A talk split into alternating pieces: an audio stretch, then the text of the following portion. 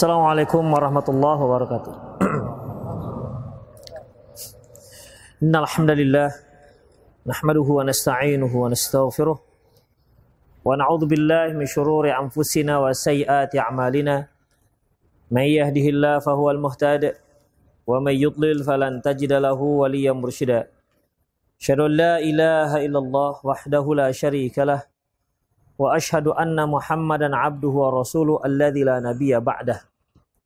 Nabiyya ba'dah. Faqala Allah Subhanahu wa ta'ala Ya ayyuhalladzina amanu taqullaha haqqa tuqatih wa la tamutunna illa wa antum muslimun.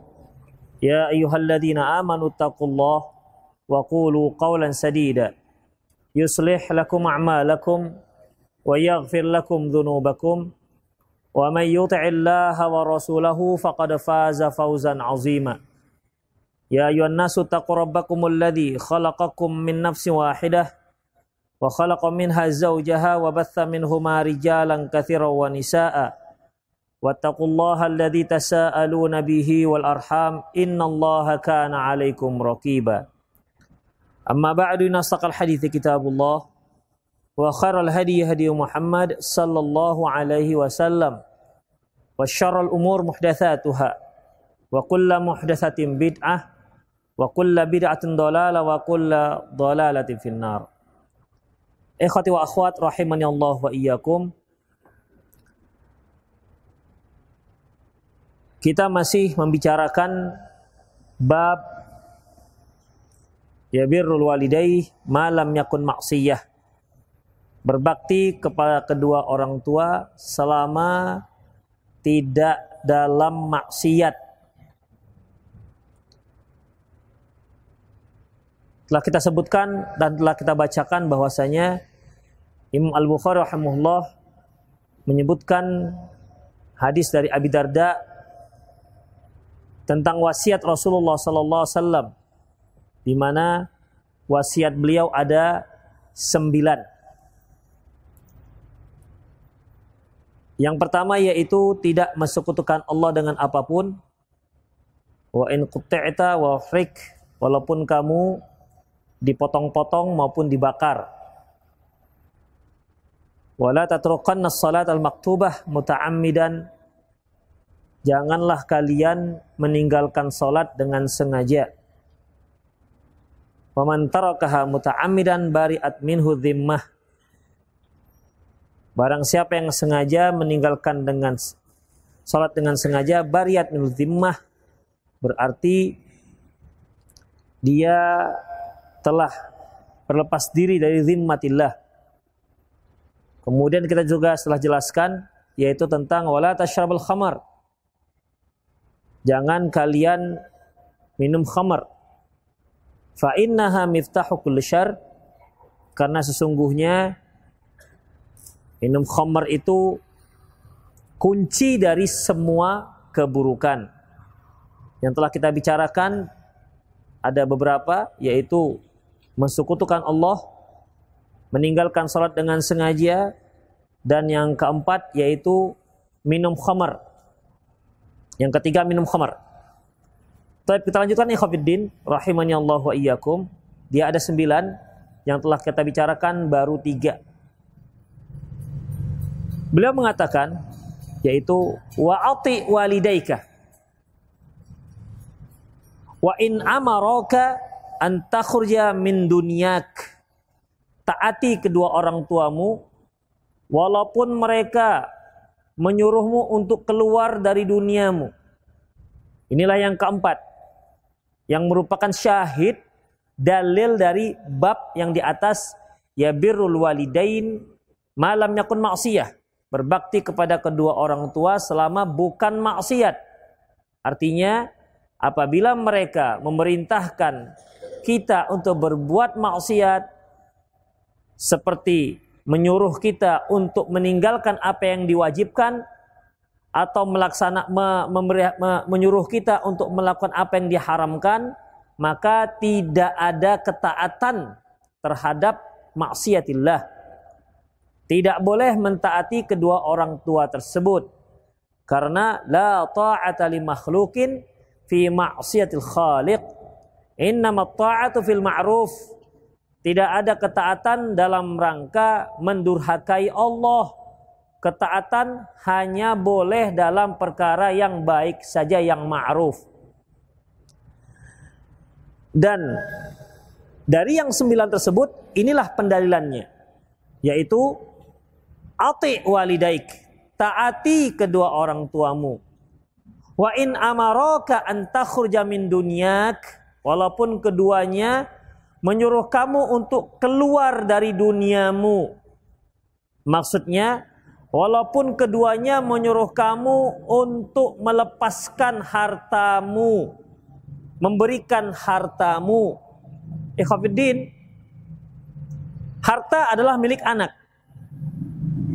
Tapi apabila orang tua mengatakan, sudah jual saja uh, mobilmu.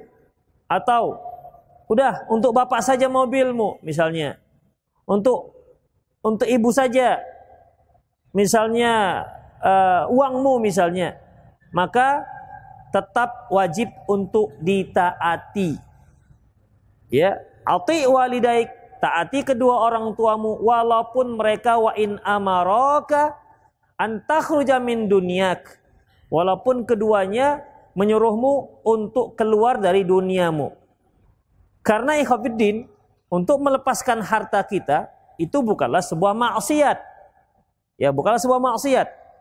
Hanya saja kenapa Rasulullah Shallallahu Alaihi Wasallam menyebutkan masalah dunia karena banyak anak itu durhaka kepada kedua orang tuanya gara-gara dunianya.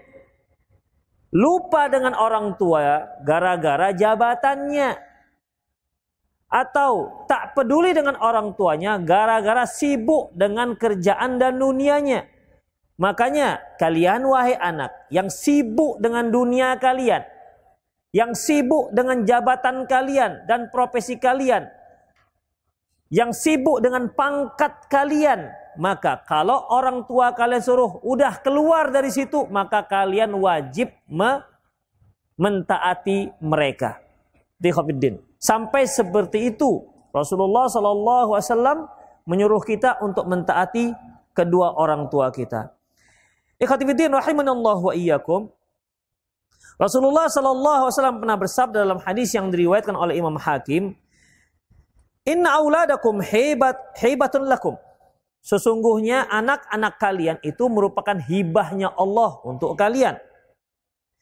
Yahibu liman yasha'u inatha wa yahibu liman yasha'u dhukura. Allah memberikan Allah Subhanahu wa taala memberikan kepada siapa yang dia kehendaki, anak perempuan ataupun anak laki-laki, terserah. Makanya sepasang suami istri ada yang lengkap mereka, punya anak laki-laki, ada yang punya anak perempuan. Ada laki-laki dan perempuan. Terkadang lebih banyak perempuannya ketimbang laki-lakinya. Bahkan ada pasangan yang tak punya anak laki-laki, hanya punya anak perempuan. Dan ada juga yang tak punya anak perempuan, hanya punya anak laki-laki. Bahkan ada yang tak punya anak sama sekali. Itu merupakan kehendak Allah Subhanahu wa taala. Yahibu liman yasha'u inatha wa yahibu liman yasha'u dzukura. Terserah Allah. Allah memberi kepada siapa saja yang dia kehendaki anak perempuan dan kepada siapa saja yang dia kehendaki anak laki-laki. Oleh karena itu barang siapa yang menggerutu dikarenakan anaknya laki-laki semua misalnya maka berarti dia telah menggerutu terhadap takdir Allah Subhanahu wa taala. Kalau dia menggerutu, anakku perempuan semua, gimana sih kepingin anak laki-laki? Tak ada anak laki-laki, perempuan lagi, perempuan lagi. Nikah lagi dengan yang kedua, perempuan juga lagi anaknya. Jadi bagaimana? Maka tak boleh jengkel. Itu merupakan ya kehendak dari Allah Subhanahu wa taala. Demikian ikhwatiddin rahimani Allah wa iyyakum. Fahum amwalukum am, fahum wa amwaluhum lakum kata Rasulullah. Mereka dan harta mereka punya kalian. Anak kalian dan harta kalian itu punya kalian. Tajtum ilaihim kalau memang kalian membutuhkannya. Artinya kalau kalian butuh, silakan ambil dari harta anak kalian. Karena kali, anak kalian dan hartanya, harta mereka itu adalah punya kalian. Makanya ada seorang sahabat kedatangan ayahnya. Ayahnya mengambil hartanya. Lantas si anak ini melapor kepada Rasulullah sallallahu alaihi wasallam. Melapor kepada Rasulullah wasallam dan kata Rasulullah, "Anta wa maluka li abika." Kamu dan anakmu, kamu dan hartamu punya ayahmu. Jadi kita yang punya orang tua, kita dan harta kita, sebanyak apa pun harta kita, kata Rasulullah, punya ayah kita, punya kedua orang tua kita. Jadi aneh kalau ada seorang anak pelit, kedekut dengan kedua orang tuanya. Apa yang harus dia peliti? Bukan punya dia yang dipeliti. Kenapa dia bakhil dengan orang tuanya? Padahal yang dia miliki adalah punya orang tuanya. Makanya aneh Kenapa dia nggak memberikan? Padahal apa yang dia miliki itu juga punya orang tuanya. Itu Khofiddin. Makanya mereka mereka yang tidak mau memberikan milik orang lain. Misalnya, ini HP saya, antum pegang. Saya bilang, minta HP saya. Teman-teman, enggak bisa Ustaz. Enggak bisa. Itu bukan hak kita. Itu hak yang pemilik. Harta kita, hak ayah kita. Makanya jangan sekali-sekali menahan-nahan harta kita untuk kepentingan kedua orang tua. Orang tua sakit misalnya. Jangan cari-cari klinik, puskesmas, padahal dia punya harta melimpah. Pelit durhaka kepada orang tuanya. Harta yang melimpah itu punya orang tuanya, bukan punya dia. Makanya Ikhwanuddin cari rumah sakit yang bagus, yang berkualitas untuk orang tua kita jangan dikira bahwasanya apa yang kita keluarkan untuk orang tua kita itu hilang. Enggak ya. Tercatat di lahul mahfuz itu. Tercatat dalam dalam timbangan amalan kita. Mereka lebih berhak terhadap harta kita ketimbang yang lain-lainnya.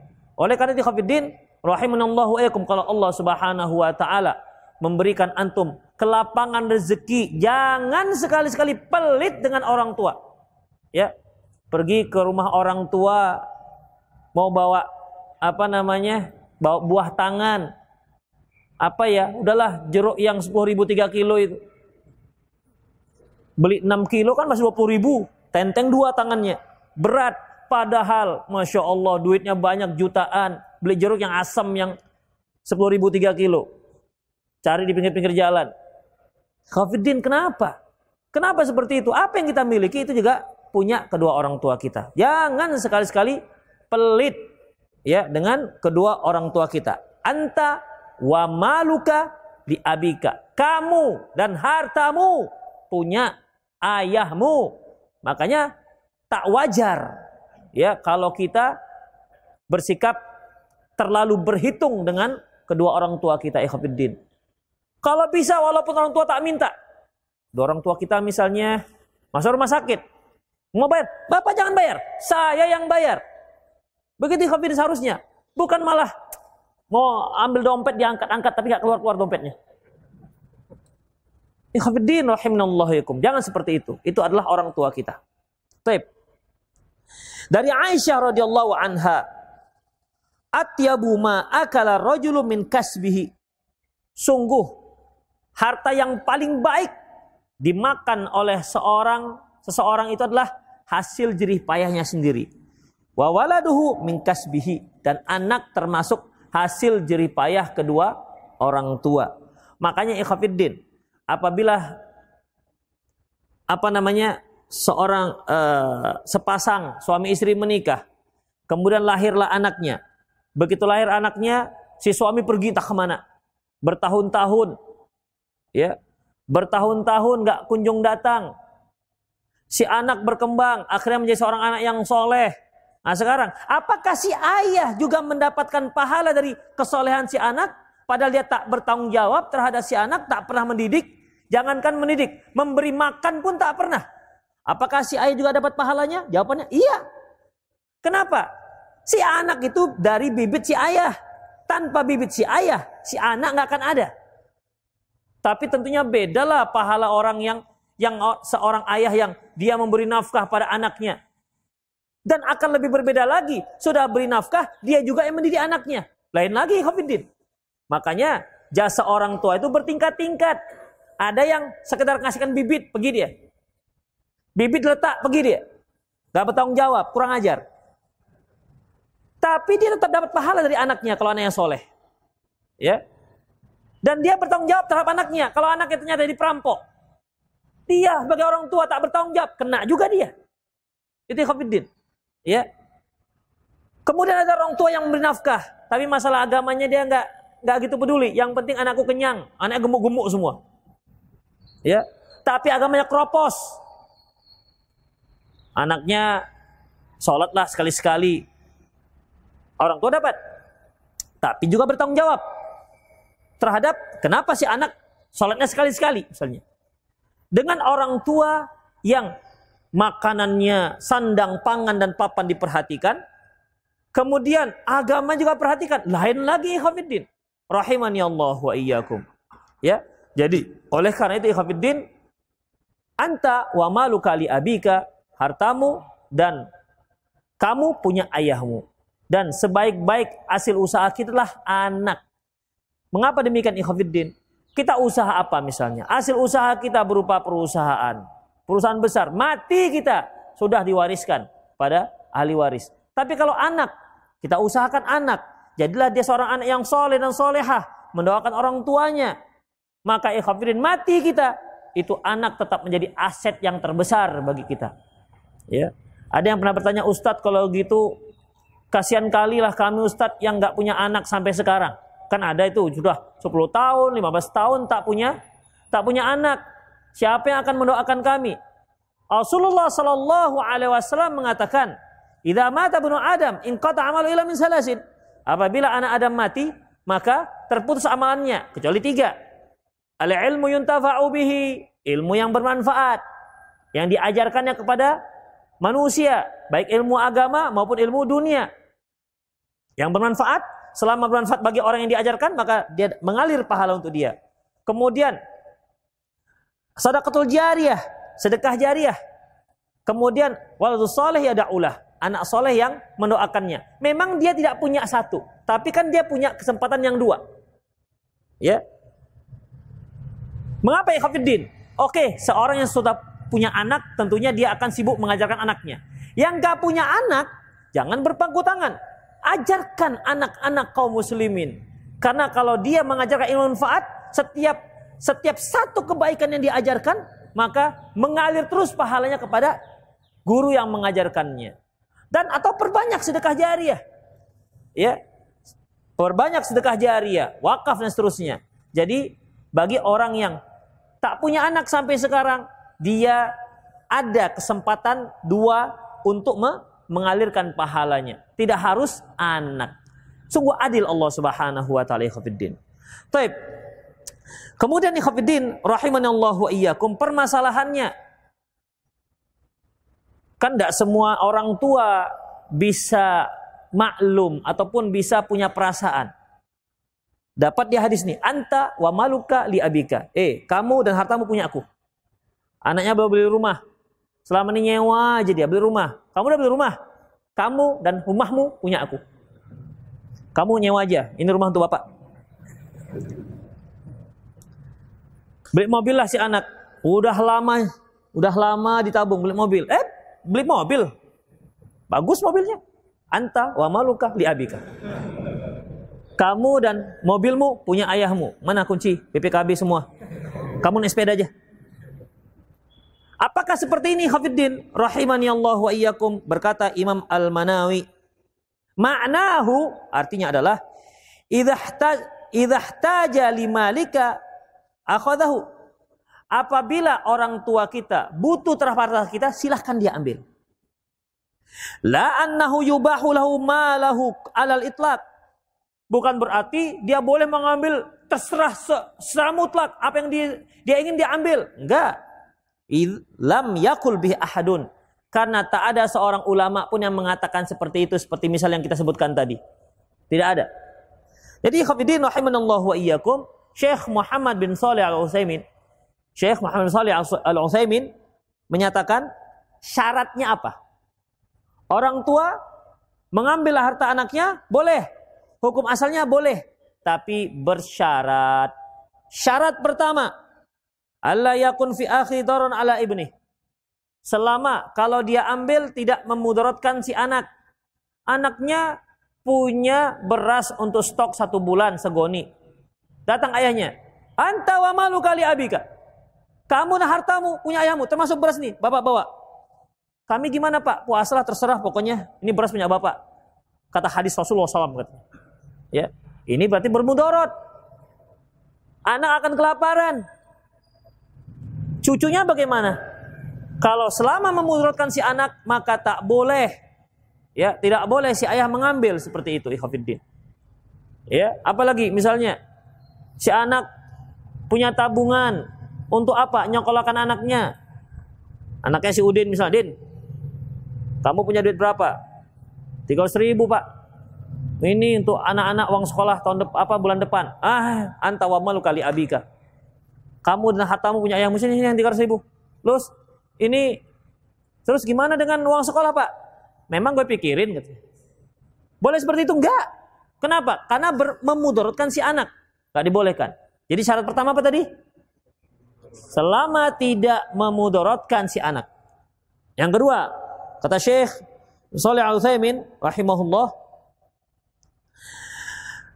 Allah tata'allaqu bihil hajah libnihi yaitu sesuatu yang memang sangat dibutuhkan oleh si anak. Ya, kalau tadi tak bermudorot, kalau ini memang sangat dibutuhkan si anak. Ya, sangat dibutuhkan si anak. Sebagaimana yang kita katakan tadi. Dia sangat butuh dengan beras. Beras adalah bahan makan pokok. Atau dia rumah, punya rumah, sangat butuh dengan rumah. Akhirnya rumah diambil ayahnya, sementara kamu, saya, kamu tinggal lima terserah. Yang penting ini rumah punya ayah.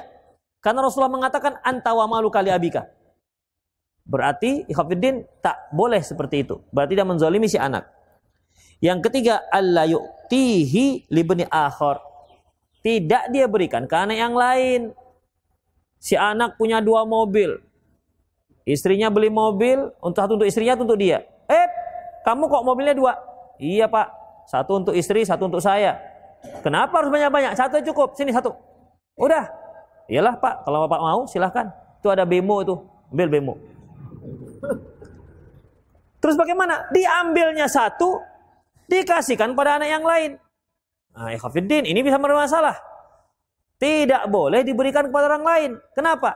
Karena yang disebutkan dalam hadis yaitu idahtajtum ilaiha kalau kamu butuh bukan kalau anakmu butuh kalau seperti itu Khafidin akan muncul anak-anak provokator. Ya, ya, ya.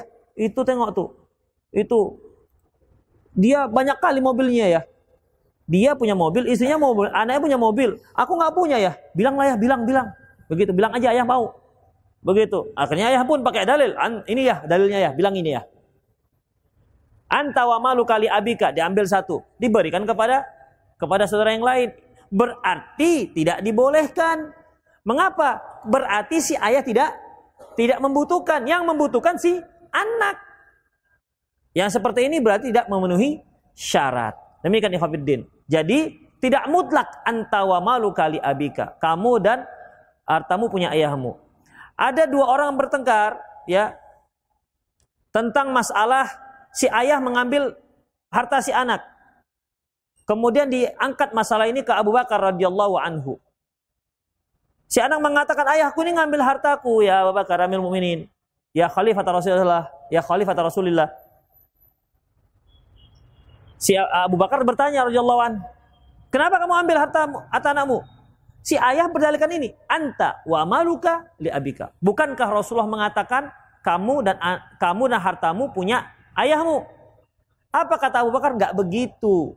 Yang dimaksud anta wa maluka li abika itu terkait dengan nafkah Ya, nafkah, sandang, pangan, papan silahkan. Tapi kalau yang tidak terkait dengan itu tidak bisa diambil begitu saja. Si ayah sudah punya rumah, makanan cukup, pakaian cukup, kepingin dia punya sofa misalnya. Diambilnya dari punya anaknya, taruhkannya di di rumahnya. Berarti tidak satu hal yang tidak dia butuhkan sebenarnya ikhwatiddin. Rahimani Allah wa iyyakum. Itulah dia. Baik. Ati walidaik taati kedua orang tuamu. Taati kedua orang tuamu. Wa in ammaro wa in amaraka ayyakhruja min dunyak walaupun mereka berdua menyuruh kamu untuk keluar dari duniamu artinya kamu melepas hartamu.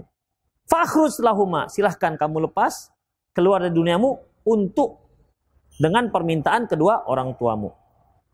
Wala tunazi'anna wulatal amri Jangan kalian durhaka membangkang kepada ulatul amri. Ulul amri khafiddin terbagi pada dua. Yang pertama ulama, yang kedua umaro. Ulama, ulul amri mengurusi urusan kaum muslimin terkait dengan masalah agama, terkait dengan masalah ilm dan barohin, dalil. Ya, ini khafiddin terkait dengan itu semua. Yang kedua yaitu al al umara yaitu pemerintah. Mereka ini yang berhak menjalankan kepemerintahannya. Jadi kalau dikatakan Allah mengatakan ya ayyuhalladzina amanu athi'ullaha wa athi'ul athi'ullah wa athi'ur rasul wa ulil amri minkum termasuk keduanya. Termasuk keduanya. Dan ulama yang dimaksud ikhwafiddin, ulama-ulama yang berpegang dengan Quran dan Sunnah Rasulullah Sallallahu Alaihi Wasallam. Apabila, ya, apabila adanya perbedaan pendapat antara ulama dan umaro, dan kedua-duanya ada apa memang masalah-masalah ijtihadi. Kedua-duanya masalah ijtihadi, tidak qot'i. Misalnya Bukan koti seperti ulama mengatakan khamar haram. Umaro mengatakan khamar halal, maka tak perlu dihiraukan. Yang umaronya kenapa? Sudah jelas haram. Demikian ikhwatiddin. Ya. Tapi kalau ulama mengatakan misalnya ini mengatakan bahwasanya Idul Fitri jatuh pada hari Senin. Umaro mengatakan enggak jatuh pada hari Selasa, maka yang diambil adalah Umaro. Demikian ikhwatiddin. Karena keputusan Umaro ya, keputusan Umaro itu merupakan apa namanya? pemutus dari berbagai macam perbedaan. Itu ikhwatiddin. Ya.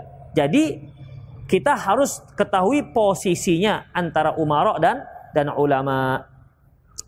Jangan kalian menentang Umaro Wa in ra'aita anta wa in ra'aita annaka anta.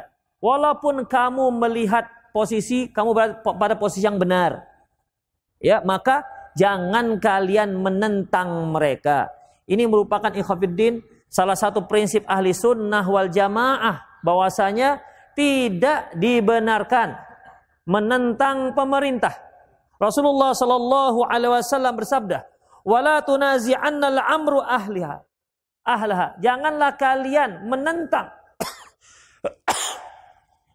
yang mengurus urusan masyarakatnya, yang memiliki kekuasaan. Illa antara kufron bawah, kecuali kalian melihat dia melakukan kekafiran bawah yang sangat jelas. Ya, indakum minallahi fi burhan yang ada jelas keterangan dari Allah Subhanahu wa taala. Syekh Muhammad bin Shalih Utsaimin mengatakan tidak boleh menentang penguasa kecuali dengan beberapa syarat. Syarat pertama, menentangnya harus dengan ilmu. Karena Rasulullah katakan, Allah taro. Ya, Allah taro kufron bawah. Kamu melihat. Ikhafidin, salah satu ilmu yakin kita melihat. Ya, misalnya saya melihat di hadapan saya si fulan menikam anaknya misalnya. Taib. Apakah yang saya lihat itu ilmu apa enggak? Hah? Ilmu apa tidak itu? Sebuah ilmu, pengetahuan yaitu idraku syai' ma huwa alaihi idrakan jaziman. Kamu mengetahui sesuatu yang cocok dengan sebenarnya dengan diimbali dengan keyakinan. Saya melihat dengan mata kepala saya sendiri. Dia menikam anaknya sampai mati dengan kepala dengan mata kepala saya. Maka ilmu saya fulan menikam anaknya sampai mati itu merupakan ilmu Bukan katanya-katanya. Kalau katanya-katanya tidak jadi ilmu, apalagi pembahasan di medsos. Jokowi masuk paret, Jokowi macam-macam. Itu bukan ilmu, itu masih katanya-katanya ikhwatiddin. Kecuali antum lihat sendiri. Ya. Kecuali kalau antum lihat sendiri, itu pertama ilmu. Kemudian yang antum melihat itu bukan sembarangan. Yaitu harus yang perbuatan kufur. Perbuatan kufur. Tapi kalau antum lihat, misal misalnya ini, pemimpin seorang pemimpin minum khamar, itu kan bukan kufur. Itu tidak bisa dijadikan sebagai alasan untuk menentang. Kenapa? Karena itu bukan kufur. Tikafiddin. Antum lihat pemimpin bagaimana? Dia gandeng pelacur karena karena orang apa duitnya banyak. Dua samping kanan, dua samping kiri. So, gandeng. Pelacur, jelas pelacurnya. Udah. Ini juga nggak boleh. Kenapa? Karena berzina bukan kufur. Dia harus kufur. Antum yakin sekali melihat langsung dan yang kedua haruslah itu sebuah kekufuran. Kemudian kufurnya itu memang benar-benar sepakat para ulama bahwasanya yang melakukan itu kufur. Bukan kufur menurut antum. Ya. Bukan kufur menurut sendiri sudah sepakat para ulama bahwasanya perbuatan ini perbuatan kufur. Barulah kita katakan dia bisa apa namanya ditentang. Tapi kalau tidak, seperti misalnya ikhafidin rahimani Allah wa iyyakum. Di Indonesia sekarang pemimpin kita berhukum tidak dengan hukum Islam. Oke. Allah Subhanahu wa taala mengatakan, "Wa man lam yahkum bima anzalallahu fa ulaikumul kafirun." Barang siapa yang berhukum tidak dengan hukum Allah maka dia kafir. Tapi ingat ayatnya tiga. Bukan hanya satu. Yang kedua, alam yahkum mimma anzalallah faulaikumudz zalimun. Yang tidak berhukum dengan hukum yang diturunkan oleh Allah maka mereka zalim. Yang ketiga, amal lam yahkum bima anzalallah faulaikumul fasiqun. Yang tidak berhukum dengan hukum Allah maka dia fasik. Apakah seluruh para ulama, ulama mengatakan setiap orang yang tidak berhukum dengan Allah maka dia kafir, murtad? Nah, tidak. Abdullah bin Abbas radhiyallahu anhu mengatakan bahwasanya kufrun duna kufrin ini kufur tapi bukan kufur keluar dari Islam. Yang kedua, yang kedua, ikhafidin, kufur dalam Islam itu kufur dalam Islam itu ada dua jenis. Kufur murtad, kufur yang menunjukkan sebuah dosa besar. Seperti Rasulullah mengatakan, Barang siapa yang mendatangi istrinya dari duburnya maka dia kafir. Apakah orang itu murtad? Suami yang mendatangi duburnya, dubur istrinya lantas dia murtad keluar dari Islam, berhak untuk dipenggal kepalanya? Enggak kafirin. Rahimanallahu Begitu pun para ulama mengatakan bahwasanya ada beberapa tingkatan. Yang pertama, kalau si pemimpin dia menghalalkan hukum, dia nggak yakin bahwasanya hukum Islam adalah yang terbaik. Dia meyakini bahwa hukum hukum di Indonesia ada hukum yang terbaik dibandingkan hukum Allah. Yakin dengan seyakin-yakinnya. Itu baru kafir. Tapi kalau dia sebenarnya Islam yang bagus, tapi gimana lah negara kita sistem sudah seperti itu. Kepingin dia, tapi gimana? Ingat Ikhwanuddin, seperti Heraklius.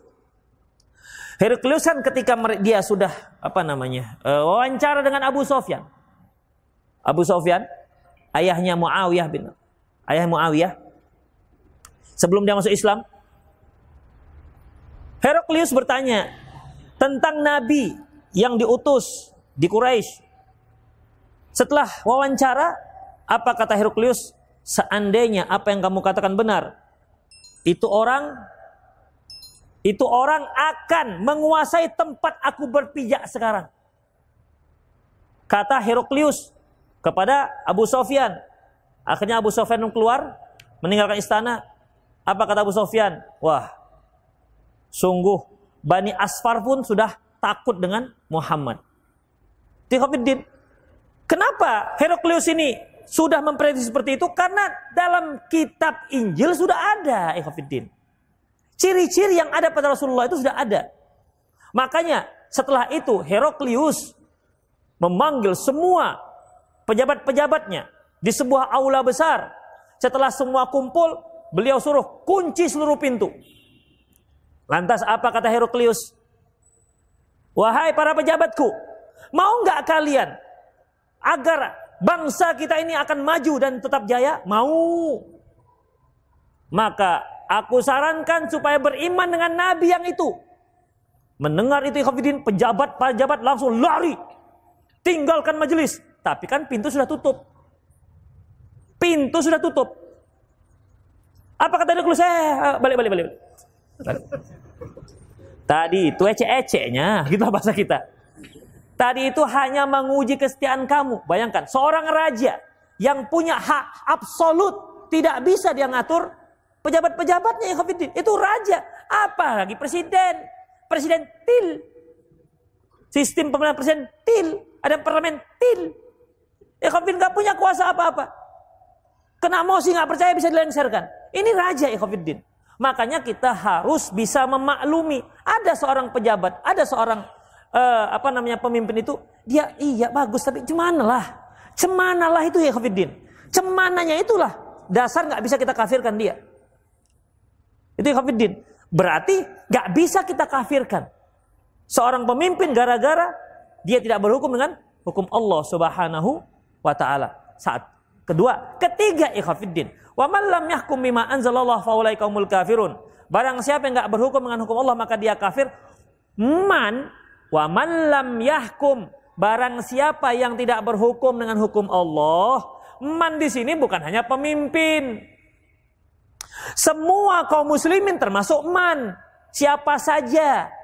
Umum. Bukan hanya pemimpin negara. Bukan hanya pemimpin bangsa. Bukan hanya pemimpin kerajaan. Man. Siapa saja yang tidak berhukum dengan hukum Allah. Hukum Allah itu bukan hanya potong tangan, kisos, rajam, tidak. Hukum Allah itu dari mulai toharoh sampai masalah pengaturan negara. Itu semua hukum Allah. Jadi nggak boleh dikutak, dikutak, dikutak-kotakan. Yang tidak melaksanakan hukum rajam, kafir. Yang nggak berjilbab, nggak apa-apa. Loh, jilbab kan juga hukum Allah. Bukan nggak jilbab hukum Allah.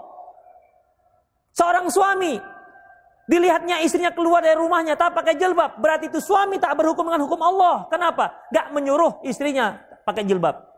Jilbab adalah hukum Allah. Kalau mereka katakan yang gak berhukum dengan hukum Allah kafir, berarti si suami tak berhukum dengan hukum Allah, berarti dia kafir. Kan gitu jadinya.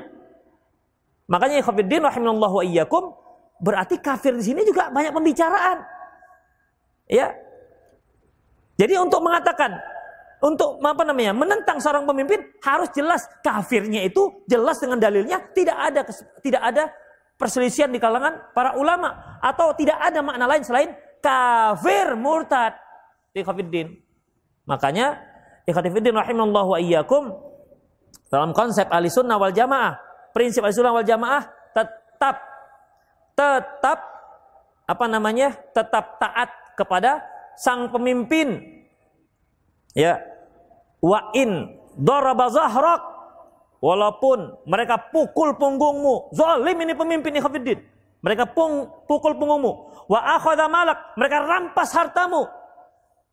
Kalau mereka minta kasihkan hak, hak mereka. Dan minta hakmu kepada Allah Subhanahu wa taala. Itu ikhwatiddin rahimani Allah wa iyyakum. Jadi apa kata Allah Subhanahu wa taala? Uh, tentang Bani Israel ya. Waja'alna minhum a'immatan yahduna bi amrina bima sabaru. Dan kami jadikan Bani Israel imam-imam. Kenapa? Karena mereka memakai petunjuk kami dan dikarenakan bima sabaru atas kesabaran mereka. Jadi seorang muslim mukmin harus sabar dengan kejahatan sang pemimpin. Dan sebuah hadis Rasulullah mengatakan Maksudnya, khiyarukum khiyari a'immatikum. Sebaik-baik pemimpin kalian adalah alladzina yusall al, alladzina tusalluna alaihim yusallun wa yusalli alaikum. Mereka yang berselawat kepada kalian dan bers, kalian berselawat kepadanya. Artinya mereka doakan kalian, kalian doakan mereka. Kemudian wa syarra a'immatikum, seburuk-buruk pemimpin kalian. yaitu alladzina tal'anunahum, yang kalian laknat mereka wa yal'anukum dan dia pemimpin melaknat kalian. Apa kata Rasulullah? Apa kata sahabat? Ya Rasulullah, afalan nazi'uhum? Apakah kita boleh menentang mereka? La kata Rasulullah. Ya, ma'aqamu fikum sholah selama mereka sholat. Itu khafiddin. Kita bangsa Indonesia, apa pernah Jokowi mengatakan, hei kalian kaum muslimin, terlaknat kalian semua. Kita juga, bapak juga begitu. Gitu. Ada? Gak ada kan, ikhwafiddin. Ini kan sudah kontrol, apa namanya, apa namanya, konfrontasi luar biasa. Begitupun gak boleh menentang. Kita alhamdulillah, ikhwafiddin, rahimani Allah wa iyyakum, ya aman. Gak ada masalah. Hanya ada selentingan provokator yang ingin merusak stabilitas keamanan masyarakat, stabilitas keamanan kaum muslimin dalam beribadah. Ikhafidin. Jadi dia ada tiga. Ada tiga syarat yang boleh menentang pemimpin. Pertama tadi ilmunya harus jelas. Kemudian yang dia lakukan harus sebuah kekafiran. Yang ketiga, kafirnya itu pun bukan bukan kufur-kufur yang nggak jelas, yang sangat jelas dari dalil dari Allah Subhanahu wa taala. Syekh Muhammad bin Shalih Utsaimin menambahkan yang keempat, yaitu kalian sanggup. Sanggup untuk menentang. Oke lah tiga sudah. Sanggup enggak? Apakah kalian akan menentang pemerintah yang punya pesawat tempur, punya tank, kemudian antum pergi ke dapur dengan pisau Carter, Allahu Akbar, walillahilham. Ikhafidin, rahimani Allah wa iyyakum, ittaqillah bidima'il muslimin. Bertakwa kepada Allah dengan dengan darah kaum muslimin. Banyak ikhafidin para mufti-mufti berfatwa jihad melawan pemerintah. Akhirnya apa? Kaum muslimin terikut provokatornya. Terprovokasi akhirnya melawan. Ikhafidin. Akhirnya yang namanya pemerintah punya kekuatan. Punya pasukan. Akhirnya berjatuhan, berserakan mayat-mayat. Dan mengalir darah kaum muslimin. Ini tanggung jawab sang mufti. Allah akan minta pertanggungjawaban nanti di hari akhirat tentang dengan dengan darah kaum muslimin yang bersimbah di di depan-depan rumahnya. Ikhwafiddin, perhatikan, Surya, tujuh tahun, perangnya hanya tujuh tahun, tapi hancurnya, hancur-hancuran. Awal-awalnya Ikhwafiddin, para ulama Saudi Arabia, para ulama kita, jangan tentang, jangan sabar, sabar, sabar, sabar. Disabar-sabarkan Ikhwafiddin. Tapi para syekh-syekh yang ingin memprovokasi Hafidin. Akhirnya terjadilah terjadi. Tidak ada satu kota pun kecil hancur lebur sampai sekarang. Hancur sehancur-hancurnya. Apa hasilnya? Siapa yang bertanggung jawab? Ya mau tidak mau kita sampai kaum semua bilang apa lagi? Mau tidak mau kita harus ya kita bantu mereka. Sudah nasi sudah jadi bubur. Buburnya sudah sangat lembek. Tuh, siapa bertanggung jawab? Mereka yang menentang. Terjadi per, apa namanya?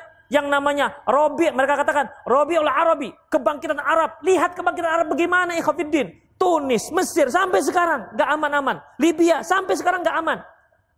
Robi apa namanya ini? Kebangkitan apa namanya ini? Sampai sekarang ikhwafiddin rusuh.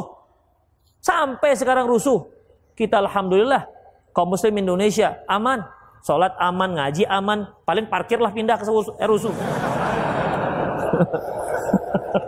itu ajanya. Itu pun merepet juga jauh kali. Ikhwatifiddin rahimani Allah wa iyyakum. Syukuri ikhwatifiddin, syukuri ya. Mari kita syukuri, banyak berdoa ikhwatifiddin. Yang ikhwatifiddin yang terakhir yaitu ketahuilah bahwasanya para ulama sudah buat kaedah bahwasanya pemimpin yang zolim itu merupakan cerminan masyarakatnya. Apa kata Allah? Wa kadzalika nuwalli ba'dadh-dhalimina ba'dhan bima kasabu. Demikian kami jadikan kami jadikan sebagian orang zolim memimpin orang zolim juga. Bima kasabu akibat apa yang mereka lakukan. Al-A'mash ketika ditanya tentang masalah ayat ini. Yaitu masyarakat yang dipimpin oleh pemimpin yang zolim dikarenakan masyarakatnya zolim. Maka Allah angkatkan pemimpin yang zolim. Jadi kalau kita ingin mendapatkan seorang pemimpin yang soleh, mari kita solehkan diri kita ya khafiddin. Apa kata Allah Subhanahu wa taala? Fastakhaffa qaumahu fa'ata'uh innahum kanu qauman fasiqin. Firaun ya, Firaun memaksa kaumnya. Menghinakan kaumnya. Menyuruh kaumnya untuk menyembahnya. Fa'ata'uh. Kaumnya akhirnya mentaati Firaun.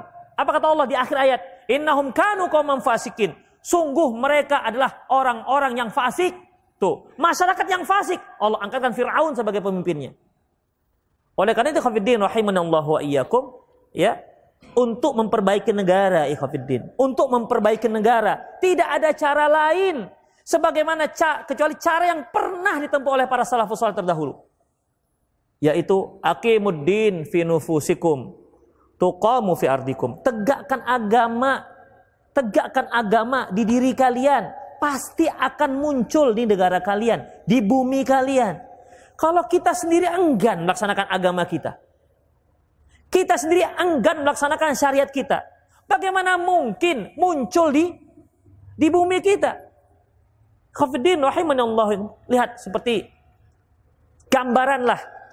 Gambaran gambaran Indonesia itu di DKI. Berapa banyak kaum muslim yang pilih Ahok? Masya Allah. Yang kiai-kiai yang pakai sorban juga pilih Ahok, Ahok. Kita bukan masalah yang udah ada kalah kalah lo Ustadz, jangan usah bilang-bilang lagi. Maksudnya itu penilaian. Berapa banyak kaum muslimin yang masih milih Ahok? Jelas kafirnya, jelas kafirnya itu Ikhwanuddin. Gak perlu pakai dalil. Gak perlu pakai dalil. Kok bisa? Kok bisa mereka pilih? Berarti kan minim sekali agama kita Ikhwanuddin. Ya, minim sekali agama kita. Oleh karena Ikhwanuddin rahimallahu iyyakum, kalau kita ingin mendapatkan ingin mendapatkan pemimpin yang baik, mari kita mulai dari kita, keluarga kita bagus, keluarga kita masyarakat akan bagus sih Khafidin. Otomatis Allah akan Allah akan angkatkan seorang pemimpin yang soleh. Kalau kondisi seperti kita sekarang, Ikhafiddin, Allah angkat Abu Bakar sebagai pemimpin, kitanya yang nggak tahan ngikutinya. Nggak tahan. Kalau dikatakan semua laki-laki wajib pergi ke masjid. Oh, demo lah kaum muslimin. Oh. Hak asasi, hak asasi. Terserah kami mau sholat di mana. Itu nggak tahan kita. Makanya ya sudahlah. Kita lihat pemimpin kita begitu, itulah cerminan kita. Itulah cerminan kita. Saya bacakan satu hadis. Ya, saya bacakan satu hadis. Apa kata Rasulullah SAW? Ya ma'asyaral muhajirin. Khamsun idza butulitum ma'udzubillahi an tudrikuhunna. Wahai sekalian muhajirin, ada lima hal yang akan menimpa kalian dan aku berlindung kepada Allah, semoga Allah, semoga kalian tidak mendapatkan itu. Tidak uh, tertimpa musibah itu. Di antaranya wala yang kudul mikyal wal mizan. Tidaklah kalian tidaklah kalian mengurang-urangi timbangan dan sukatan. Illa ukhidhu bisinin. Kalian akan ditimpa musim paceklik, wasyiddatul maunah dan uh, apa namanya? kesulitan dalam dalam ekonomi wajar sultana alaihim dan akan diangkatkan pemimpin yang zalim. Itu Khafiddin. Gara-gara apa? Masyarakatnya yaitu ngurangi timbangan dan sukatan. Masih ngurangin timbangan dan sukatan. Belum lagi yang lain-lainnya Khafiddin. Zinanya bagaimana? Judinya, khamarnya, homoseksualnya. Masya Allah. Gimana? Sedang dua ini saja sudah cukup sebagai dasar untuk Allah angkatkan pemimpin yang zalim kepada kaum muslimin. Itulah ya khafiddin rahimani Allah wa iyyakum. Ya, Allah Subhanahu wa taala juga firman, "Man ahana sultan Allah fid dunya, ahana Allah yaumal qiyamah." Ahanahu Allah yaumal qiyamah. Barang siapa yang menghinakan, menganggap remeh pemimpin Allah di muka bumi, maka Allah akan remehkan dia. Allah akan hinakan dia di hari kiamat. Jadi untuk sore hari ini satu poin saja ikhwafidinnya di antara sembilan poin yaitu wala tunazi'anna wulatul amri. Jangan kalian menentang pemimpin kalian. Ya wa in ra'aita annaka anta. Walaupun kamu melihat kamu yang benar maka jangan. Sudah bersabar. Bersabar dan terus bersabar berdoa kepada Allah Subhanahu wa taala. Karena kalau kita dizolimi sudah kan gampang Nanti di hari kiamat cari. Cari, misalnya Pak Jokowi ada menzolimi antum misalnya. Udahlah sabar. Jangan antum asah pisau silet itu. Prof Carter diasah. Allahu Akbar, walillahilham. Kayak Prof Carter itu yang seribu perak. Tidak usah doa. Udah sabar. Nanti tiba giliran yang terzolimi di hari kiamat. Nah, mana yang kemarin zolimi saya? Ambil, kuras semua kebaikannya. Itu Hafiddin. Ketimbang kita memprovokator masyarakat, ya akhirnya mereka benci kepada pemimpin, akhirnya antara pemimpin dan masyarakat tak saling percaya, kacaulah ikhafidin rahimani Allah wa iyyakum. Ya itu saja aku qauli hadza wa astaghfirullah li wa lakum. muslimin innahul ghafur rahim. Ya, silakan yang bertanya. Masih ada 20 menit.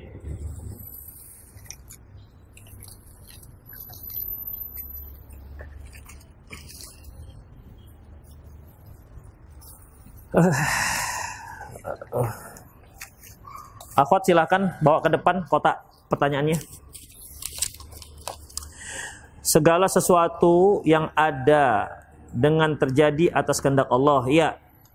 Kenapa Allah menghendaki kemaksiatan yang terjadi keburukan yang lain sedangkan Allah membenci hal itu? Ikhafiddin, ada sunnah kauniyah, ada sunnah syar'iyah.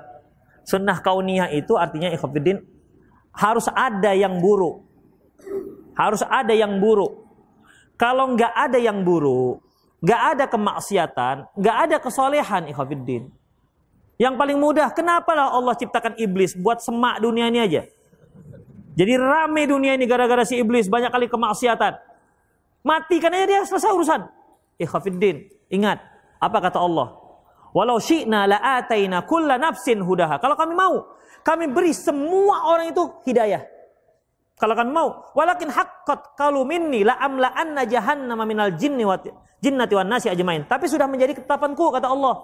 Aku akan penuhi aku akan penuhi neraka ya dari uh, neraka dengan manusia dan jin. Itu ikhafiddin. Jadi perlu ada iblis. Kalau nggak ada iblis ikhafiddin, berarti nggak akan ada yang namanya keburukan. Kalau nggak ada keburukan, untuk apa Allah kirim Rasul? Rasul itu ditutus Allah supaya apa? Memperbaiki keburukan. Gak ada keburukan, berarti gak ada Rasul. Ya, kalau gak ada Rasul, berarti gak ada juga agama, gak ada juga kitab. Terus gimana jadinya? Otomatis gak ada surga, gak ada neraka. Terus gak ada juga antum ini yang ganteng-ganteng nih. Kenapa? Ah, ngapain antum di dunia? Mau ngapain coba? Dibilang dia akan seperti pohon, nggak tumbuh buah. Mana ada buahnya? Durian pun nggak bisa antum buat. Kita, buah apa ya Khafidin? Semuanya. Hidung ada kotoran, telinga kotoran, mendingan durian. Di mana-mana ada durian, ada buahnya, dibuka, harum. Antum bukalah, semua setelah antum itu kalau nggak bau semua. Itu. Jadi itu semua untuk skenario. Ya, terbentangnya alam ini ikhafiddin ya terbentangnya alam ini. Begitulah Allah Subhanahu wa taala menciptakan. Hingga akhirnya ada yang soleh ada yang nggak soleh. Muncullah yang namanya jihad memerangi orang-orang yang musuh-musuh Allah Subhanahu wa taala. Termasuk juga untuk itu juga antum datang kemari ngaji. Kalau enggak ngapain ngaji? Untuk mengetahui mana yang benar mana yang salah untuk mengetahui mana yang hak dan mana yang batil. Ngajilah kita. Kalau nggak ada, ngapain kita ngumpul? Nggak ada juga ustadz. Orang Rasul aja nggak ada. Nggak ada juga. Nggak ada juga yang mencari nafkah. Ngapain cari nafkah? Ya. Untuk apa? Dia nggak dapat pahala di situ. Akhirnya nggak ada dunia ini Khafiddin. Makanya Allah untuk memberikan, untuk menjalankan roda dunia ini Khafiddin harus ada itu yang namanya kafir, mukmin, panjang, pendek, ganteng, jelek. Itu dia. Jadi kalau ada orang ganteng sok-sok, itu bilang ya, eh ente kan gara-gara saya jelek maka ente ganteng. iya kan? Khafiddin. Coba antum lihat kucing misalnya. Kan nggak ada yang ganteng, ini ganteng, ini cantik nggak ada. Semuanya manis namanya. Ya, semuanya nampak manis. Asalkan dia nggak kotor, bersih, manis semua nampaknya. Sama semua. Tapi kalau antum misalnya didudukkan, wih ada yang hitam, putih, pesek, ngancung, itu dia ikhwafiddin. Itulah dinamika kehidupan. Itu ikhwafiddin. Jadi kita disuruh untuk berusaha untuk terus menjadi lebih lebih baik. Bolehkah kita membuat kartu member MLM dengan tujuan mendapatkan diskon tapi tidak untuk MLM-nya? Iya, tentunya kan kita punya perjanjian tertentu. Ya kan? Ada tanda tangannya. Tapi setelah kita tanda tangan, berarti kan kita sudah menyetujui. Walaupun kita tujuannya niatnya hanya mendapat MLM itu apa diskonnya. Ustadz, Ana diajak bergabung di dalam organisasi anti Syiah. Bagaimana sikap saya dan kalaupun saya ingin menolak, bagaimana sikap saya? Ikhwafiddin, untuk anti Syiah antum tak perlu pakai organisasi. Saya nggak ada masuk organisasi anti Syiah. Iya. Apa perlu anti Syiah? Perlu masuk organisasi kalau mau anti Syiah? Kan enggak. Kita sampaikan apa yang kita tahu, ikhwafiddin. Ya, kita sampaikan apa ilmu, apa ilmu kita tentang apa namanya kekeliruan, kekesan, kesesatan Syiah. Kasih tahu kaum muslimin, tidak perlu masuk organisasi. Kalau kita memasuk itu tentunya ada tujuan yang jelas, yang syar'i. Ikhwafiddin. Tapi kalau nanti gara-gara itu antum harus demonstrasi, ya. Gara-gara itu terikat pas lagi taklim ada apa namanya? Ada meeting tahap apalah namanya. Udah, nggak usah. Karena untuk anti Syiah tak perlu organisasi. Pak Ustadz, apakah imam sholat fardu membaca doa setelah sholat kita ikut juga, tapi ada juga yang tidak ikut doa bersama. Eh Khafiddin, ketika imam sudah salamualaikum, salamualaikum, berarti sudah bubar jamaah. Antum tak perlu lagi ikut imam. Nanti imamnya mereng ke pak samping, atau mereng samping juga. Nanti imamnya pergi, antum imam pergi juga. Antum nggak bisa bangkit, tunggu imam bangkit. Kita sudah selesai. Jadi tidak perlu ikut imam setelah assalamualaikum, setelah assalamualaikum. Tapi kalau dia belum mengucapkan salam, apa pun yang dikerjakan imam, ikhafiddin Allah wa iyyakum, kesalahan apa pun yang dibuat imam harus ikut komplain nanti setelah salam. Misalnya nih, imam salam, padahal masih tiga rakaat. Ini sholat sholat juhur. Ya, sholat sholat juhur. Assalamualaikum, Assalamualaikum kata imam. Kita kata Subhanallah Pak Imam. Gak ada Pak Imamnya ya. Subhanallah. Imam pun gak peduli dia. Assalamualaikum, Assalamualaikum. Kita, oh gak bisa. La ta'ata fi makhlukin fi masil khalik. Gak bisa seperti itu. Tidak ada. Tidak boleh mentaati makhluk dalam rangka mendurhakai Allah. Enggak. Dalam masalah sholat enggak. Kenapa? Masih bisa diperingatkan. Jadi, Assalamualaikum, Assalamualaikum. Kita juga ikut. Jangan bertahan. Ah, nggak bisa kita taati ini. Salah ini. Kurang satu rakaat menyalahi syariat Allah Subhanahu wa taala. Enggak bisa. Ikut. Assalamualaikum. Assalamualaikum Pak Imam, kurang satu rakaat, Bang. Apa iya katanya? Coba tanya. Iya, udah, imam naik.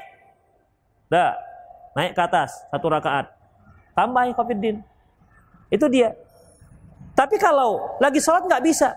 Misalnya sujud dengan sekali. Habis itidal sujud dia. Allah Akbar langsung naik. Loh, ini Pak Imam gimana? Subhanallah kita katakan. Nggak peduli dia. Dia merasa sudah dua, kita merasa satu. Bagaimana? Allah nggak bisa itu. Kita sujud di antara sujud, apa? Duduk di antara sujud, kemudian kita sujud, kemudian kita ikut imam. Nggak, ikut imam langsung. Nanti setelah salam baru komplain. Itu dia ikhwafiddin. Itu imam tambah satu rakaat. Kalau imam ah, mau lah, nggak mau saya tambah-tambah lagi. Iya Pak Imam kurang turun, nggak mau saya tambah. Udah, lengser aja tuh imam, cari imam yang lain. Iya, masa salah dipertahankannya. Kalau masalah sholat itu kan sudah jelas masalah rukun. Assalamualaikum Ustaz, bagaimana hukum ber, berbicara kepada non mahram tentang ilmu dunia, ilmu agama? Eh Khafiddin, berbicara dengan non mahram itu dibolehkan selama diperlukan. Yang akhwat juga jangan suaranya didayu-dayukan. Fala takhdha'na bil qaul fayatma'alladzi fi qalbi marad. Janganlah dia mendayu-dayukan suaranya. Itu membuat orang akan berjangkit penyakit di hati orang yang berpenyakit. Misalnya nih, antum mau pinjam buku misalnya. Ukti, pinjam buku ya. Yang mana bang? Tak boleh gitu. Ya, tak boleh. Yang mana bang? Itu. Itu ikhwafiddin. Ya, jangankan jangankan bicara biasa salam saja nggak dibolehkan oleh Al-Hafidh Ibnu Hajar. Kalau salamnya itu sampai menimbulkan fitnah. Karena masalah fitnah ini Khofiddin, menimbulkan fitnah.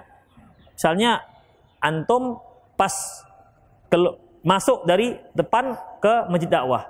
Ada akhwat mau keluar. mungkin dia bagaimanalah ketemu. Antum kenal misalnya atau untuk beramah tamah lah gitu kan. Assalamualaikum ukhti. Waalaikumsalam warahmatullahi wabarakatuh. Hanya begitu kan. Kemudian akibat suaranya mendayu-dayu itu terngiang-ngiang suaranya. Waalaikumsalam lam lam lam. terngiang-ngiang terus suaranya siapa ya? Siapa gerangan yang berada di balik tabir itu, tabir, di balik cadar? Anak siapakah dia? Kalau dia mahasiswi, fakultas apakah dia? Itu Ikhwanuddin.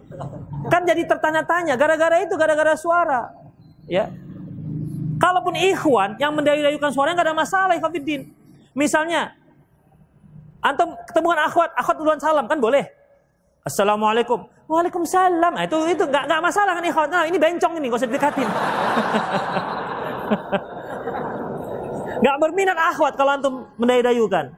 Itu khafiddin ya. Jadi antum juga berdosa. Kenapa? Man tasyabbah biqaumin apa namanya? La'anallahu al-musyabbihatu bin nisa wal musyabbihatu birijal. Saya memiliki hutang, namun hutang tersebut karena ke kecurangan hutang tersebut karena kecurangan pekerjaan yang saya lakukan dahulu. Apakah saya wajib melunasi hutang? Hutang pekerjaan. Nah ini belum jelas ini pertanyaannya. Hutang pekerjaan itu gimana maksudnya? Apakah maksudnya masalah gaji atau apa? Kurang jelas. Kita pilih yang dikit-dikit pertanyaannya. Sebagian orang akan bilang kajian ini melempem, diam saja dalam menanggapi keburukan pemerintah. Mohon nasihatnya. Ikhafiddin rahimani Allah wa iyyakum. Sekarang, perhatikan. Antum masih ingat masalah sweeping yang tempat apa namanya?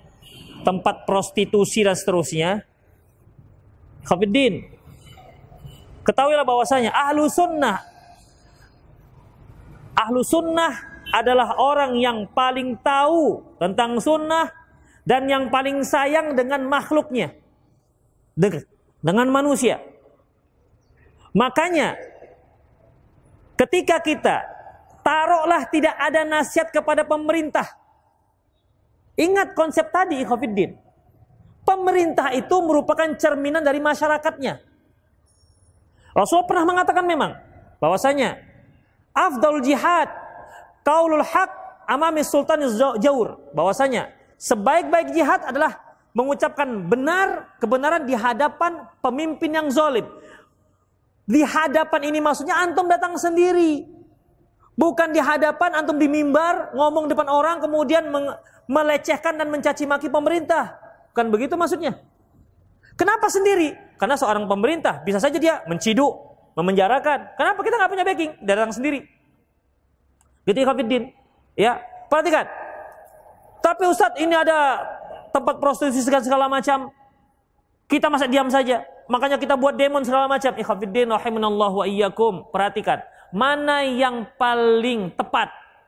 Kita mendakwahkan kaum muslimin, eh kaum muslimin, jangan berzina, kan itu dosa besar. Kalau kamu berzina, kamu diminumkan dengan dengan apa namanya? Dengan kotoran penduduk neraka, pelacur-pelacur, kotoran pelacur yang keluar dari kemaluan-kemaluan mereka. Itu akan disuruh minum. Kita ingatkan kaum muslimin. Atau dengan menutup tempatnya. Taib, Hafiddin. Dibakarlah tempat prostitusi. Tentu pelanggannya banyak nih. Dek, di mana sekarang buka? Udah, tengok aja ke sana bang, itu ada nanti petunjuknya. Pindah ke ruko sebelah. Orang masih banyak pelanggannya Ikhwanuddin. Ya, kalau sudah pelanggan Ikhwanuddin, nggak perlu pakai ruko, bentang koran juga bisa udah. Di mana? Bawa pohon pisang, bawa sawit-sawit. Yang penting jadi dia.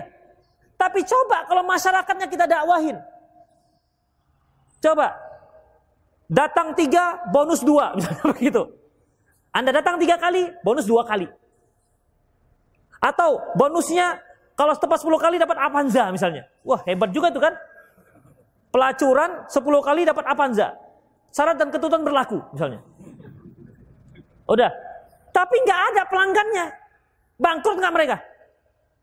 Bangkrut di Covidin. Menyediakan fasilitas AC, ruangan AC. Berapa? 10 VK misalnya, saking dinginnya itu. Supaya supaya lebih hot di dalamnya misalnya. Gak ada pelanggan, bangkrut. Tapi kalau pelanggannya kaum muslimin masih banyak, masya Allah ikhafidin, di tutup di sini, timbul di sana, tutup sana, timbul di sana. Ingat kan antum bahwasanya tutup di sini, timbul di kebun-kebun tadi mana? Itulah ikhafidin. Satu, yang kedua, akhirnya banyak orang bersimpati. Ih, kasihan kalilah kakak itu padahal dia terpaksa pelacur tuh, kasihan katanya.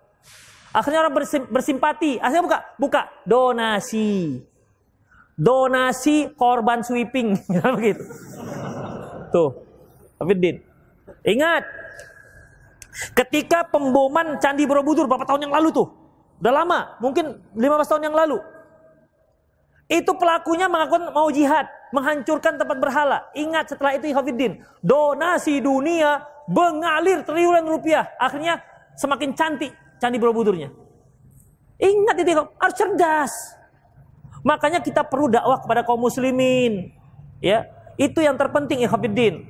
Kalau masyarakatnya bagus, insya Allah pejabatnya bagus.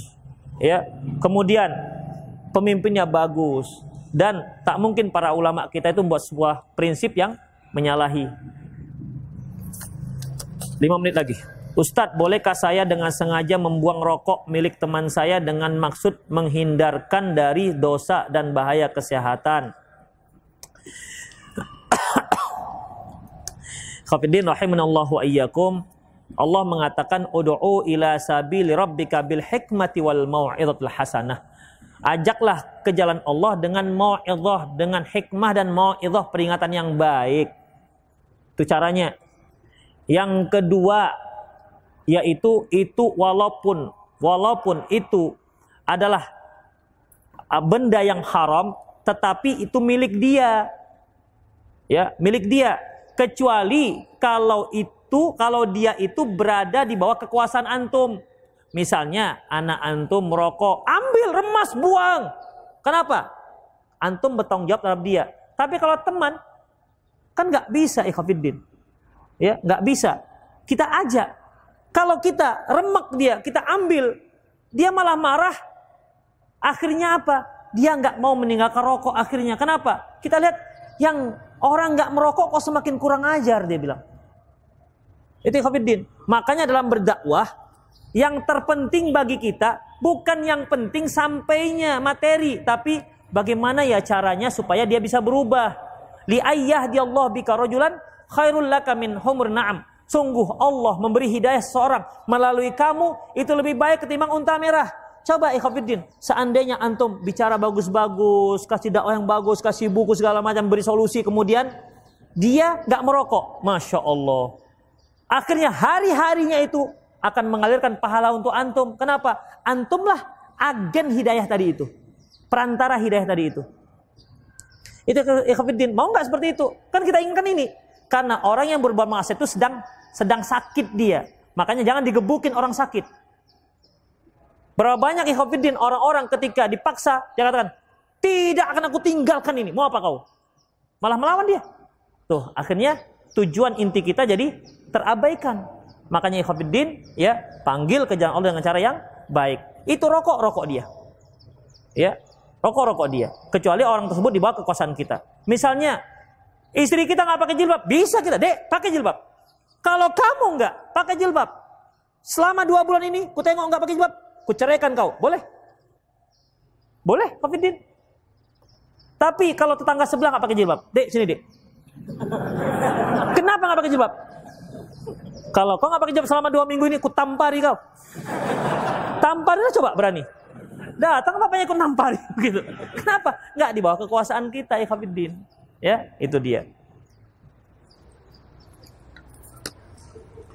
Jika orang tua meninggal, maka perbuatan baik buruk sang anak akan mengalir pahala. Perbuatan baik dan buruk sang anak akan mengalir pahala dosa.